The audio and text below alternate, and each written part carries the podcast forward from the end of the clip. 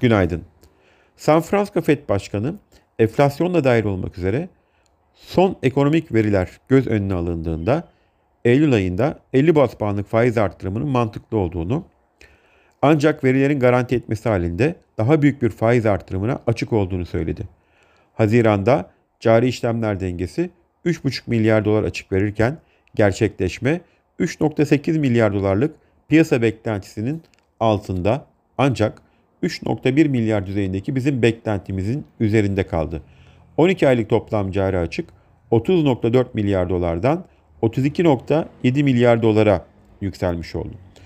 Türkiye Cumhuriyeti Merkez Bankamız toplam rezervleri 5 Ağustos haftasında bir önceki haftaya göre 7 milyar 374 milyon dolar artarak 108 milyar 637 milyon dolara çıktı. Bugün yurt içinde sanayi üretimi ve perakende satışlar verisi açıklanacak. Yurt dışında ise İngiltere'de büyüme verisi açıklanacak. Bu sabah Asya endeksleri karışık bir görünüm sergilerken Amerika'da vadeli endeksler hafif alıcılı işlem görüyor.